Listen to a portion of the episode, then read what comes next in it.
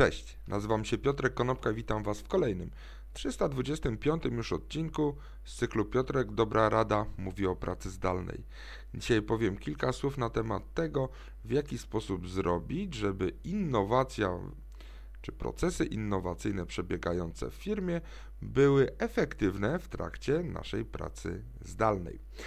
E, w poszukiwaniu tematów do e, kolejnych odcinków Piotrka Dobrej Rady trafiłem na artykuł na Scientific American, czyli mamy amerykańskiego naukowca, który nazywa się e, Gleb Cipurski. Jest to m.in. prezes firmy doradczej Disaster Avoidance Experts, autor jednej książki i jest oczywiście naukowcem z zakresu zachowań. I teraz ten człowiek y, popełnił całkiem długi artykuł. Oczywiście link do tego artykułu znajdziecie pod y, materiałem w komentarzach. Natomiast chciałbym Wam przedstawić, w jaki sposób przy zastosowaniu siedmiu kroków można spowodować, że procesy innowacyjne będą przebiegały y, tak samo dobrze albo nawet lepiej w wydaniu zdalnym niż w wydaniu stacjonarnym. E, Gleb odkrył, jaki jest problem e, dotyczący tego, że ta kreatywność czy innowacyjność w dzisiejszym świecie e, pandemicznym słabo działa. Po prostu bardzo dużo zarządzających i bardzo dużo menedżerów próbuje uskutecznić tą innowację poprzez przeniesienie tak naprawdę na bazie kopiuj wklej metod, które były wykorzystywane w pracy stacjonarnej, e, w takiej właśnie e, na przykład e, burzy mózgów, która była w modelu synchronicznym stacjonarnym, na telekonferencję. Ale to bardzo słabo działa, bo to nie jest narzędzie odpowiednie do tego typu działania. Dodatkowo ci liderzy, których badał Gleb, mm, utkwili w tych swoich przekonaniach, że innowacyjność może działać tylko w taki sposób, w jaki działała do tej pory, ponieważ boją się tego, że e, nowe metody po prostu nie będą działały. Dodatkowo e, osoby badane przez Gleba w trakcie e, rozlicznych wywiadów najczęściej miały różnego rodzaju błędy poznawcze wszyte w swoje zachowania i przykładem takich dwóch błędów poznawczych jest na przykład syndrom tego, że to nie zostało wymyślone tutaj, czyli liderzy boją się wykonywać czy wykorzystywać te metody, które nie zostały opracowane przez nich, e, albo na przykład e, to są metody związane z tym, że boją się wyjść przed szereg.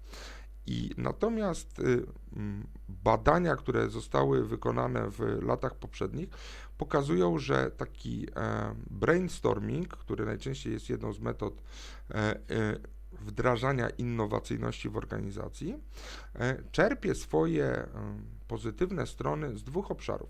Jeden to jest taki związany z synergią pomysłów. Po prostu, gdy jeden człowiek siedząc na sali rzuca jakiś pomysł, inny do niego nas wiązuje, próbuje go rozwijać i to działa. Drugim elementem jest coś, co się nazywa facylitacją społeczną, czyli po prostu kiedy y, współpracownicy pracują wspólnie nad jednym problemem i wzajemnie się motywują do jego rozwiązania.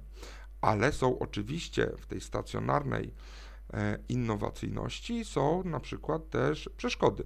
Taką przeszkodą jest na przykład y, blokowanie pomysłów. Po prostu, jeżeli ludzie pracują nad jakimś ciekawym pomysłem i ktoś nawet ma bardzo innowacyjny inny pomysł, to rzucając go w eter, nagle się okazuje, że ludzie dalej pracują nad tym pomysłem, który do tej pory opracowywali, nie przyjmując do wiadomości tego nowego, który się gdzieś u nich po drodze pojawił. Drugą przeszkodą, która pojawia się w tradycyjnej e, sesji brainstormingowej jest na przykład e,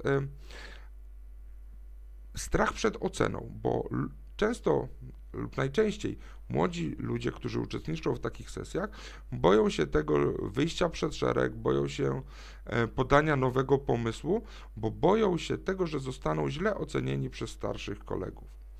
Ale teraz Gleb proponuje, żeby zastosować 7 kroków do tego, żeby przełożyć sesje innowacyjne, takie synchroniczne, tradycyjne, na to, do czego jesteśmy przyzwyczajani teraz, czyli na pracę zdalną.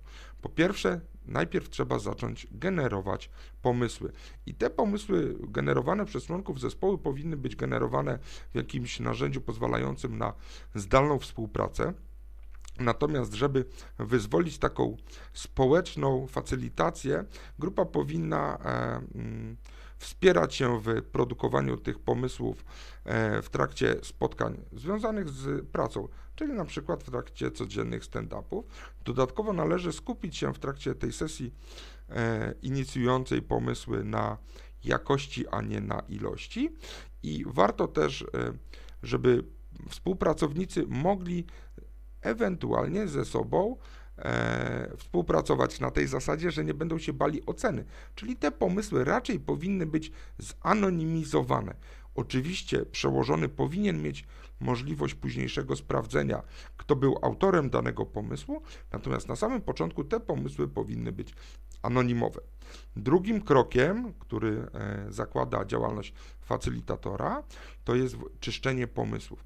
Po prostu e, facylitator powinien e, pokategoryzować pomysły i wysłać je do wszystkich członków zespołu. W trzecim kroku powinniśmy ocenić każdy z pomysłów, ale ta ocena również powinna być anonimowa.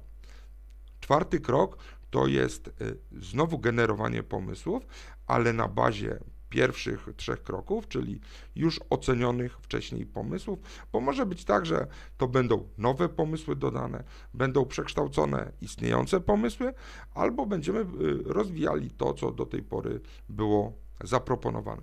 Piąty krok, znowu mamy sesję czyszczenia przez facylitatora, podobną do sesji w kroku drugim. W szóstym kroku to jest e, ocena właśnie tych wszystkich pomysłów, które zostały do tej pory zebranych po dwóch sesjach brainstormingowych i na samym końcu mamy właśnie etap tego, żeby przełożyć pomysły już na konkretną fazę planowania strategicznego bądź planowania operacyjnego. Badania psychologiczne czy badania behawioralne pokazują według Gleba, że takie podejście jest o wiele lepsze. Pomimo tego, że ludzie lepiej oceniają model współpracy stacjonarnej, to okazuje się, że na samym końcu pomysły są lepszej jakości, jak i tych pomysłów jest więcej, w trakcie tego planowania zdalnego. A jak wy sobie radzicie z tą innowacyjnością i z tą współpracą zdalną nad nowymi pomysłami? Dajcie znak w komentarzach. Dzięki serdeczne, do zobaczenia i usłyszenia w poniedziałek. Na razie.